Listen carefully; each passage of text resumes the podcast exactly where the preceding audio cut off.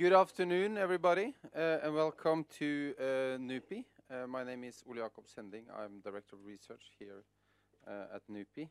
This event is co-organized with the Norwegian Centre for Humanitarian Studies, which is a joint venture between NUPI, the Peace Research Institute Oslo, PRIO, and the Chr. Michelsen Institute in in Bergen. I'm very happy to introduce Carol Bohmer Uh, from King's College. Uh, Carol has been studying asylum and migration issues for a long time, uh, working at the intersection of law, society, and politics. The title of Carol's talk is Political Asylum Deception and the Culture of Suspicion, which is the title, I think, of a book forthcoming very soon. Um, I think without further ado, I will hand it over to Carol. All right. I'm going to start by telling you a story. Everybody loves stories. This is a very personal story uh, because it's about my parents. And my parents uh, lived in what is now the Czech Republic. And in 19, in the 1930s, uh, there was a depression on. My father couldn't find a job in what was then Czechoslovakia, so he went to Germany, uh, where he worked for a while until he was fired. Uh, he was required to be fired with great regret from his employer, or we're told, um, because he was Jewish. And he went back to the Czech Republic, and that experience and a general sense of unease made him think that Europe wasn't a very good place for Jews. So he started looking to find somewhere to emigrate. And he looked around, and it was getting late in the 1930s by then, and it was actually pretty difficult to find somewhere to move to. And so he found uh, that the New Zealand government was looking for farmers.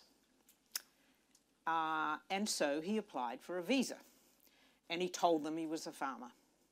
Uh, they also wanted people who had a little bit of money, so he, since he didn't have a little bit of money, he borrowed some money on a short-term loan from somebody to put in his bank account. And so he sent the bank statement to the New Zealand government and then sent the money back to the person who had lent it to him. He managed to get the visa in 1939. They took a ship and eventually arrived in Wellington, New Zealand, where I was subsequently born and brought up, and where my parents lived quite happily, actually, for the rest of their lives. So there are two things in that story that are relevant to this talk and to the book that uh, I'm talking about, and that is that he told the New Zealand government that he was a farmer. He had grown up on a farm, very small farm, and you know, as a kid, he'd sort of had to miss school when uh, you know, picking the crops or the haymaking or whatever time came around. So he and his siblings would participate in this farming activity. But there was nothing further from my father's mind than becoming a farmer. It was the last thing he wanted to do. So he really wasn't a farmer, was he? Grown up on a farm, but planning to farm in New Zealand? Forget it. He was planning to go into textiles, which is what he had studied uh, a little bit at a training, you know, special college, or whatever you want to call it. He also didn't have the money he told them he had, right? So we've got two lies here. Without those two lies, I wouldn't be standing here because I don't need to tell you what happened to the rest of my parents' families. They all ended up in Auschwitz. And there are none, no, the only people who have survived are people who survived uh, outside or one or two under very particular circumstances. Now, this book is actually about lying. But of course, it's all about terminology, isn't it? That's part of the reason that the title is called Deceptions, because deception is a somewhat different word from lying, isn't it? And we talk about strategic deceptions. We talk about shading the truth. And we originally planned to call this book Asylum Lies, and then we decided it was too strong. Because, of course, there's a big political agenda back here, as I'm sure you people will understand immediately. Uh, and in fact, one of the people who reviewed the book, you know, the, the, for the publisher, told us that we shouldn't publish this book because it would give uh, those people who disapproved of the concept of asylum uh, fodder to make the argument that we shouldn't be giving anybody asylum because they're all liars. And that, I have to tell you, is not what I'm saying in the book, or what we're saying. That's the other thing I need to tell you. This is a co authored book uh, with my co author, Amy Shuman, with whom I've been writing for a number of years. Um, but I think looking at the language about the title of the book is already an illustration of what a problematic a- area it is. And we fall somewhat in the middle of the, if you will, a continuum. And on one end of the continuum is the assumption that everybody's lying. And that certainly is the working assumption of particularly the asylum authorities uh, in Britain, where much of the research on which this book is based has been conducted. Uh, they assume that everybody's lying. They have this thing called a culture of disbelief. Uh, and on the other end, of course, are people who say, this is terrible and nobody's lying and they're all, you know, this is just horrible that we have this culture of disbelief. Well, I think some people lie. And so what I'm looking at is the area of uh, people who, in the course of their asylum applications, tell stories, shade the truth, neglect to mention things. And again, there's a big continuum there too for people who uh, shade the truth. Is he a farmer? Is he not a farmer? Well, hmm, you could argue about that, couldn't you? You could make an argument. I wouldn't think it would be fabulous, but an argument that, that a person who grew up on a farmer knows how to farm is a farmer. On the other hand, you could say, no, a farmer is somebody who intends, if he's getting a visa to be a farmer, intends to farm. So the issue about what a lie is is a, is a complicated one already. And so there are, um, there are those kinds of strategic managing of information. And in fact, if you think about it, the legal process uh, is in a way about presenting a, a case to a neutral authority who evaluates the, the merits of your claim. And so, how you frame that claim uh, is significant. And if you think about what lawyers do when they work with clients uh, on in, in, preparation for a, a, hearing or a trial or whatever, they're, they're helping them present the case. They're not, one hopes, telling them to lie but they are certainly helping them to present the case in the most attractive way for their purposes. So, what you have here is a system uh, about which I'll tell you a little, but I'm assuming most people know what we're talking about when we talk about asylum. But let me, just in case, let me talk a little bit uh, about that just to make sure. Um, the first thing you should know is that my father got a visa as an immigrant he obviously would have been a refugee had they had a category of refugee. But it wasn't until after the Second World War that the Convention on the Status of Refugees, uh, which is an international agreement, was passed and ratified and accepted uh, by, I think it's now 148 uh, states. And there has been a subsequent protocol which expanded it. It was originally basically to close the barn door after the Holocaust horse had escaped. Um, and it was only for people who were leaving to, f- to flee Europe. Um, and it used to be for a very long time a vehicle where the West would be able to take in those few uh, people who fled communism. And the assumption was that if you fled communism, you were doing it because you were afraid of living in that dreadful part of the world. Well, that's certainly how the Americans viewed it. Um, and to, uh, to get asylum, and I, I, should actually interrupt myself, which is not a good thing, but I will, to say that what I'm talking about are people who are asylum seekers who manage to get themselves to a uh, receiving country and then apply for the legal status of asylum. So when you talk about refugees, that's a slightly different issue because you can be declared a refugee uh, before you go to the country where you are going to ultimately live. So I'm talking about people who vote with their feet and somehow or other manage to get to the receiving country. I know there are plenty of people who do that to Norway, um, just as there are to uh, other a number of other countries.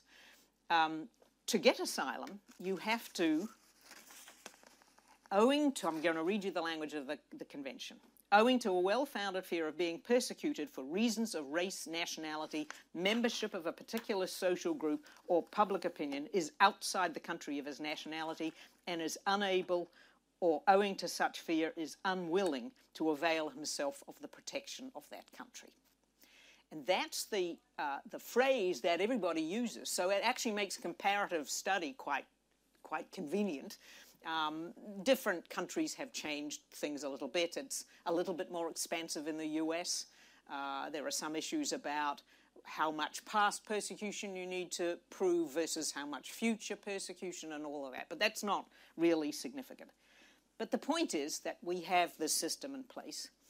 And uh, the issue, and the reason I think that you're all here, is that this is a, not all, but many, this is a really hot subject. It's a really hot subject for a very obvious reason, and that is that thousands and thousands and thousands of people are leaving various places uh, and coming to places like Norway and, and to the UK and to the US. And so, what started out as a, as a very wonderful uh, idea of the liberal state that we protect uh, those people who come to our shores uh, and we provide them with a safe haven. Now has become something of a problem because how do you do it when it isn't just a, a, a relatively few people? And of course, it's become a huge problem for a variety of reasons, which I won't go into here. Um, but it means that people's way of viewing uh, asylum claims has changed a great deal now. And that's in part where this culture of disbelief comes from. That the authorities are doing a variety of things to cut down the numbers of people making asylum applications. And one of the ways they do it is by saying that these people are not really asylum seekers. They're not legitimate. The Brits call them bogus asylum seekers, and the Daily Mail used to have stuff about bogus asylum seekers in the paper all the time. Um, and so you can see that there's a huge political pressure on the officials who decide these things to say they're not real, they weren't persecuted, or they're lying. They're not credible. Credible is the word that is bandied about in the English language. I bet there's an equivalent in Norwegian uh, that is used to say these people are simply not credible and we therefore don't need to provide them with Safe Haven, and we don't even need to feel bad about it because we've convinced ourselves that they are lying. Well, as I say, I think there are people who do lie. Uh, I think the nature of their lies is a, is a there's a huge variation, and what my book is about, or our book, is how you evaluate that. How do you decide? How, and in all kinds of ways. So, obviously, the first thing is that somebody will tell you their story. And that's the classic thing. And that, uh, in traditional asylum law, is supposed to be enough. Somebody's story is their passport, as somebody calls it. But of course, in practice, it isn't enough. Because you can make up whatever you want, right? Go in there tomorrow and say, yes, I was persecuted and this is how it happened, and just need to read a few newspapers, rustle up some lies, and there you are. So, it, it, it, the idea that somebody is not telling the truth is a very powerful and attractive idea. And that's why you can imagine the person uh, suggested I, we didn't publish the book. But I, I want to examine this idea and to look at what it means and to see what, if anything, people can do about it and where the lies come from and how they, how they come up. Lots of people have to lie. That's one of the ways people get out. They escape by telling lies. They escape by fleeing. They escape by fleeing without taking documents, for example. So you've got your story. The first thing you have is your story. And again, the assumption is that the people listening to your story are going to be able to tell if you're telling the truth or not, right? And you can ask all those judges and you ask police officers, oh, yes, we know how to tell. We, we know when people are lying. Well, the fact of the matter is that the research shows, that you may already know this, that actually that nobody's very good at telling. And in fact, policemen and judges aren't actually any better at telling whether people lie than you and me. I mean, there is one way that if you're very, very expert in microfacial expressions, apparently, you can go some way to determining if people lie. Well, I can assure you that asylum hearing officers in the countries that I'm familiar with have not taken that course, but they still believe they know when somebody's lying. So there's your first problem. How do we know? We don't. So what do we do? All right, we'll say, okay, uh, let's say that in practice you need to do more than just produce a story. So your story has to be corroborated, which is a lovely legal word, uh, that it's corroborated with some evidence. Okay, what sort of evidence? Well, the first kind of evidence that we can look at are documents. You know, you, you go with your story and you say, I, um, I was persecuted for my political opinion. I belong to a political party that the government didn't like. This is, a, you know, this is a generic story. I'm sure I could put it in a country. I could put it in ten countries, just right like that.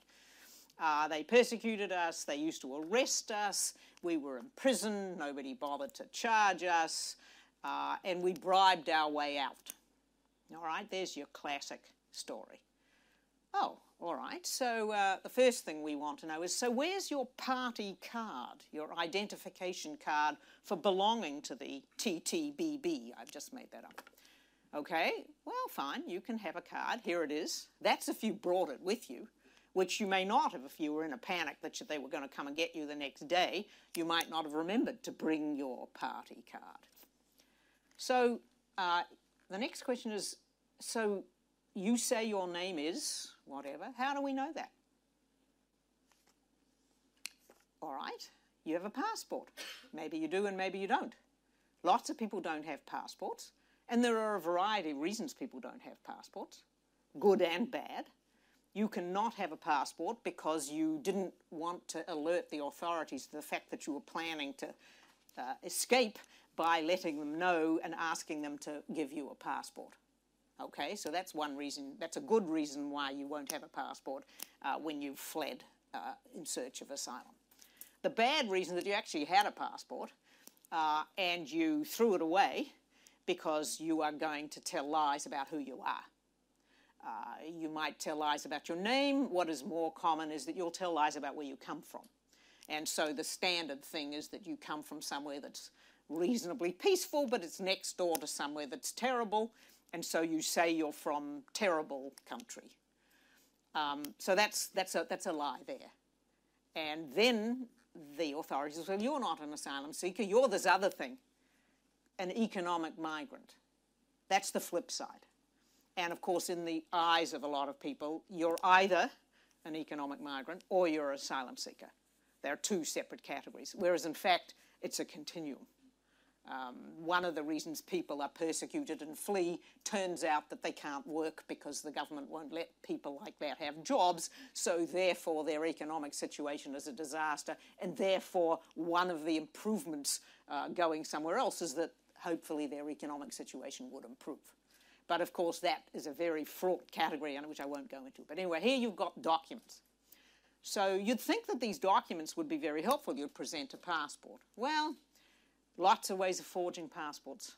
And still now, by the way, even in circumstances where the governments of the kinds of countries that people want to flee to have become much more uh, um, assertive and demanding about what you need in a passport, you know, biometrics and, you know, this and that. Well, it turns out there are some very clever forgers out there who do a variety of things to get hold of passports. Um, sometimes they get one blank copy, which they can then copy and uh, put people's name in it. Then sometimes people can um, uh, decide that they'll they'll just turn up with somebody else's passport because they, they look relatively similar and thereby playing on the sort of what you, you want to call it, racism, cultural naivete that says that all whatever people from whatever uh, country look alike. And so you have this, you present this passport. You may borrow a passport. A lot of the smuggling that goes on in, includes lending somebody a passport, which when you get to your destination, you give back. Uh, and it's not your passport, but it may be something else. So you can see we've got some real problems here. And what is going on in this credibility business, if you will, is a cat and mouse game. And the documents one is a perfect example of that. And the problem with documents is that they are not nearly as easy to authenticate as people think they are. Party cards, well, you know, you're in some not terribly sophisticated place, there'll be a card, but then they may have had a different printer the next year, so they'll have a different card. And you can't authenticate something unless you have a base. You have to have something to compare it to, right? So if you don't have anything to compare it to, then eh, there's a problem. There are people who don't own documents. A significant number of the world's population doesn't even have a birth certificate. And that, of course, is particularly true for persecuted minorities. You know, that, that, they don't get birth certificates in part as, as, as a result of the persecution and the discrimination that they, that they suffer. So that's already another problem. How, does the, how do the asylum hearing authorities deal with the issue of documents? And the, they do the best they can. They try to authenticate them. Uh, they sometimes go take the, the document back to the country and get somebody to say, oh, yes, that's, uh, that's a, a valid document. Or they get experts, country experts, and this is true both for the hearing uh, authorities and lawyers who are representing asylum claimants as well, that you want to have this document authenticated so that it will add to the, uh, the credibility and the chances that somebody will get asylum. So that's, there are ways of doing it, but none of them is perfect. So that's another, another problem that you've got when you're dealing with documents. Um, so, and it, you know, it may be that these documents are perfectly authentic, or it may be that people don't have any documents. And then getting documents can be very difficult. The very first um, uh, asylum case that I was involved with from the beginning to the end uh, was somebody who came from the Central African Republic, and he was a uh, political activist for the um, uh, whatever I can't remember. They've had so many coups in the Central African Republic that I it's a bit hard to keep track. But this was against there was a, an effort to have a coup uh, against the current leader, um, and he uh, this guy uh, managed to escape. He went and hid for a period of time. Uh, they, whoever they were, the government presumably in this case, after the failed coup, found his wife and children and killed them. Uh, which, if ever there was a message, there was a message. So he came to New Hampshire, uh, which is where I was living at the time, and I met him and spent quite a bit of time with him. And he enrolled in a university. Um, they had sort of set that up so that he could he could get out, and he was able to get a student visa. So he came on his own passport. I think he had a passport the, we wanted to be able to prove that, in fact, his family did die, because that, of course, is important evidence uh, that he was genuinely uh, afraid of being persecuted himself. So the question then is so, how do you prove that? Where are the death certificates, say the asylum authorities? The death certificates of the wife and children to prove that they, in fact, had died. Well, first of all, the Red Cross, which sometimes helps you do that, wasn't operating in the Central African Republic at the time. Uh, and so at one point we tried to get a friend of his to go to the local authority where they did, they had apparently registered the death certificates. Um, and I don't know what happened, but we were told afterwards that that guy, um, that, that, my client had never heard of, of him, from him again. So who knows what happened to this guy who had gone to get a document about the death of somebody who had been a political activist or his family. So that's another risk that trying to get documents when you've escaped can be risky um, for the people who are back there.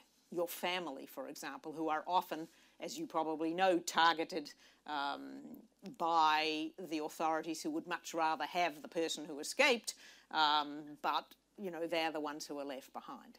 So there are just any number of issues that, that are raised with documents, which is one of the important ways people try to corroborate their claims. Um, the, the other thing that the hearing authorities do, and this varies from country to country how they do it, um, and the, the British are very keen on using what they call science to try to provide more objective evidence that, uh, that supports this, either the narrative that what happened, what the person claims happened to them did in fact happen, or that the person is indeed who they say they are. And one of the um, really good examples of that is what is known as language analysis. And I know that the Norwegian government uses language analysis, and so do other Scandinavian countries, and the British certainly do too. And through language analysis, you are supposed to be able to determine whether somebody comes from the country they say they come from, whether they are of the ethnicity uh, or ethnic uh, identification that they say they are from.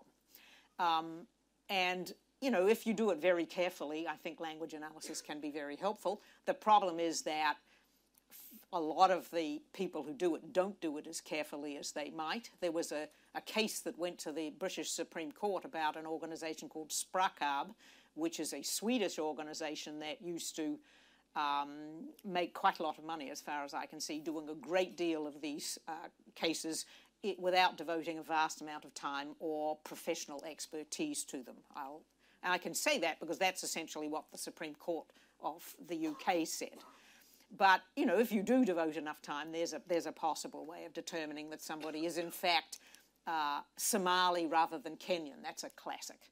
You know, somebody says they're Somali, they're from a minority discriminated against uh, clan, and uh, the uh, government says, no, you're not, you're Kenyan. And sometimes that is more complicated than it sounds because it may be that somebody has lived in, on the uh, you know on the edge or they've moved around or whatever that there are some circumstances that make language analysis harder. But there's one example. Uh, the British also uh, are in a, are very concerned about uh, minors uh, young people because of course there are increasing numbers of young people who uh, leave countries to seek uh, uh, protection in the West. They may also leave countries to seek a better life in the West. Who knows? But uh, the um, you know, and I think this is probably fairly widespread. The idea is that uh, states owe an obligation to children, minors, uh, that is more extensive than any obligation they owe to adults. So again, here we have the same argument: the cat and mouse game. The British government says you're 18 the Afghani kid says, No, I'm not, I'm 16, I'm 15, whatever. And so we have this uh, age assessment question. How do you decide whether somebody is the age they say they are when they don't have birth certificates, which in the case of the Afghani kids is not surprising since lots of people, particularly born in rural areas, don't have birth certificates anyway, and in fact may not know exactly how old they are because they don't do the birthday celebrations and the you know, and the singing and the candles that, uh, that we do. So uh, there's another problem. And there was a big scandal, and it, it, it actually just resurfaced a couple of months ago uh, about dental records, uh, where the argument of the British government was that you can use dental records to tell whether somebody is, uh, how old they are. Uh, and the British Dental Association went nuts and said, you can't x ray people against their will. That's unethical. And to their credit, the last time this came up, which was when some conservative backbencher just a couple of months ago said, you know, of the relatively few young people that Britain has taken in, they don't look young to me. Also, you know, uh, let's give them dental examinations. And the Home Office actually took 10 minutes to say, we're not doing that, that's unethical. But making a determination is very problematic again. But there's another example of using trying to use science to, um, to help. Um, okay, what else do I want to say? Oh, yes, I know. There's another, we have another chapter in the book that I think is um, really important, and that's a chapter about whether somebody is a victim or a perpetrator. In a sense, this is the biggest lie of all. You are in, take a crisis like Rwanda, and you say, I was the subject of, uh, um, you know, torture or persecution, and I escaped. I'm a victim of the, uh, the conflict in Rwanda. It's very easy, actually, to tell a story that's the exact opposite, or it's the same story, but you're in exactly the opposite place. So you can tell what sounds like a very authentic story if you were there. Um, you just happen to be not the victim, but the perpetrator. And of course, that's a real issue.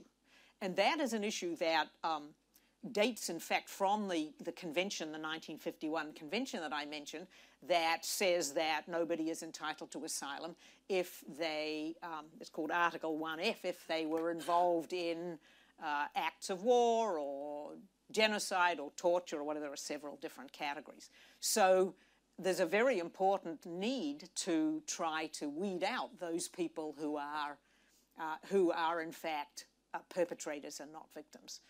Um, again, very complicated. What I've discovered is that sometimes these cases come up later.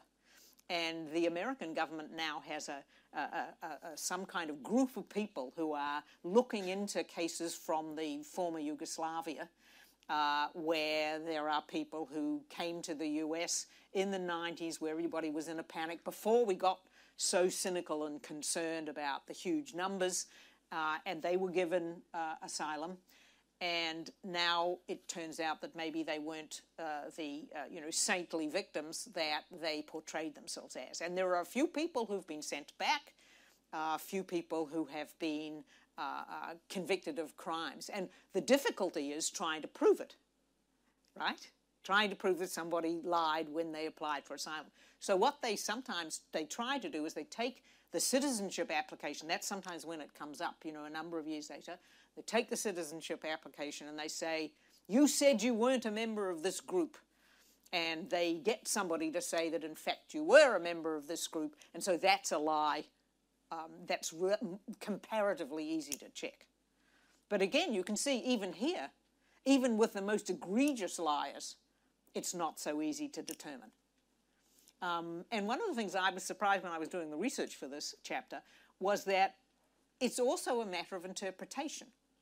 Uh, you, there was there's a case in Britain where somebody was a police officer under Mugabe uh, and was sort of standing by when a couple of uh, um, whatever massacres took place, and she claims that she couldn't leave the police force because they wouldn't let her, and she was afraid that if she left, they would uh, they would persecute her, and so eventually she left.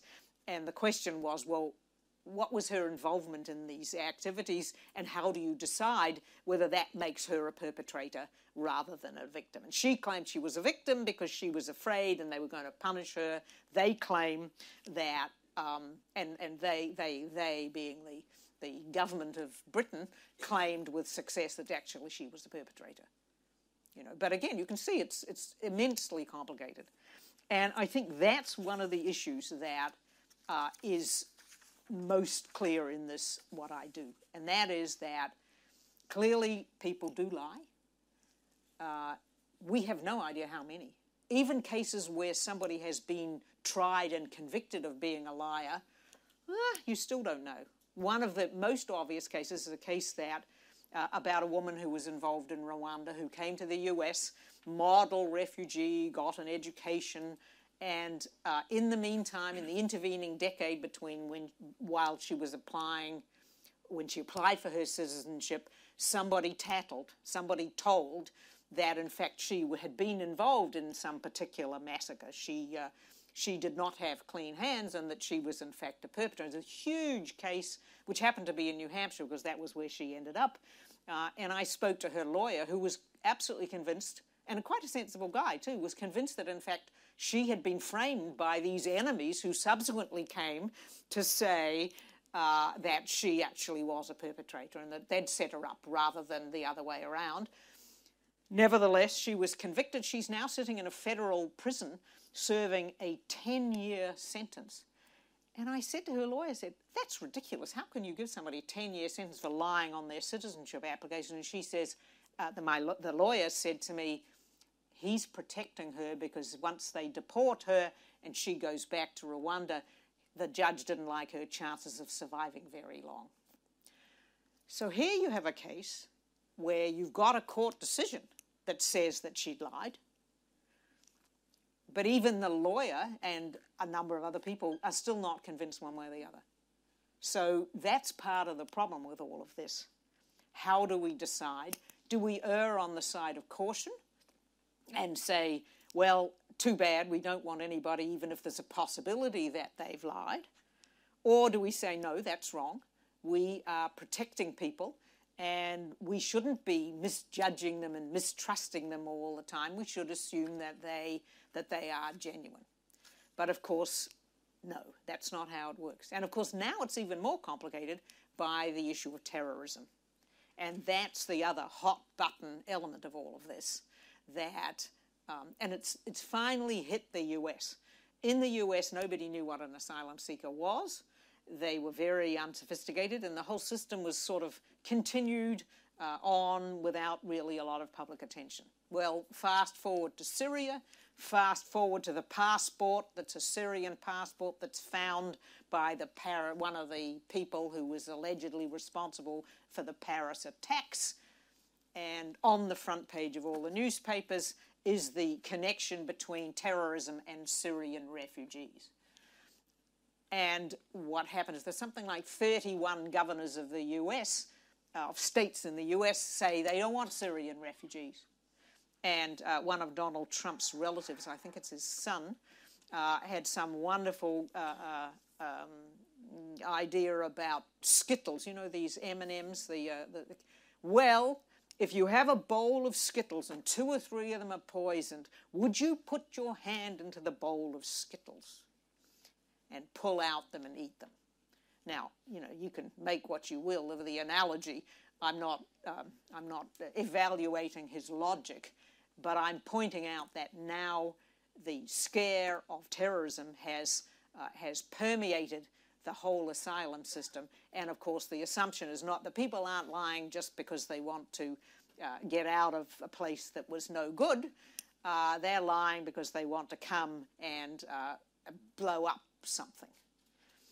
And you can talk facts, of course, but since we're in the post fact society, the fact that most of the people are fleeing uh, from the kind of activity that the terrorists are conducting, quite literally in many cases, uh, is, is, is irrelevant. So the system has changed a huge amount um, and is now in a position where we are trying to determine what, what's going on and how we know whether somebody lies.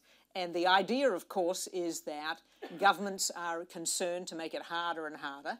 There are all kinds of uh, ways in which people do things. For example, if you if you have a false, you have to get a false document to flee. Let's assume you are an absolutely genuine asylum seeker uh, and you, uh, you don't have a passport, so you borrow somebody's passport. You arrive in London on somebody else's passport. If the government catches you, they will charge you with a crime. There is, of course, a defence that you had to do it because you fl- were fleeing. Most people don't know that. Many of the criminal lawyers who would be appointed to um, to represent those people don't know that. They tell the asylum seekers to cop a plea, as they say in America, to plead guilty. Uh, and so they end up uh, with a conviction, which means that, um, th- first of all, their asylum claim is in question. And then, of course, if they later on, when they want to become citizens, they've got a crime uh, that they've been convicted of that will prevent them from becoming citizens. So you have this ever increasing um, effort to try to minimize the number of people who claim asylum uh, with the idea that one of the best ways of doing it is by saying we don't believe you. And that's what I'm trying to unpack a little bit. Then, Carol, I would uh, like to thank you so much for a great talk. Thank you. Thank you all.